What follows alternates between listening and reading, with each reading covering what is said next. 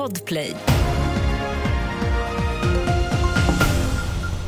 Vi börjar med att 11 personer skadats i en rysk attack mot ett hotell i Ukrainas näst största stad Charkiv sent igår kväll. Två projektiler ska ha slagit ner vid hotellet och bland de skadade finns personal och hotellgäster varav några ska vara utländska journalister.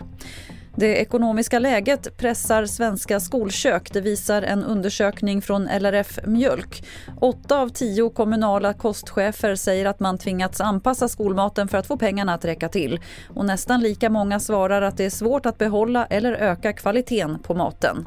Ann-Kristin Sundin är nutritionsexpert på LRF Mjölk. Någonstans går ju gränsen för vad man kan göra. Man kan inte göra mycket mer när, när det ser ut som det gör. Så det ser vi som en tydlig larmsignal att nu måste någonting göras. Till sist kan vi berätta att fotbollstränarikonen Sven-Göran Svennis Eriksson är svårt sjuk i cancer. Det här säger han till Sveriges Radio.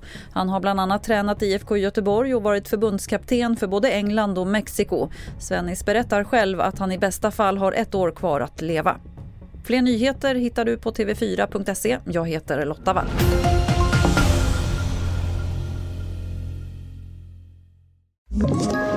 Ett poddtips från Podplay. I fallen jag aldrig glömmer djupdyker Hasse Aro i arbetet bakom några av Sveriges mest uppseendeväckande brottsutredningar. Går vi in med hemlig telefonavlyssning och, och då upplever vi att vi får en total förändring av hans beteende. Vad är det som händer nu? Vem är det som läcker? Och så säger han att jag är kriminell, jag har varit kriminell i hela mitt liv men att mörda ett barn, där går min gräns. Nya säsongen av Fallen jag aldrig glömmer på Podplay.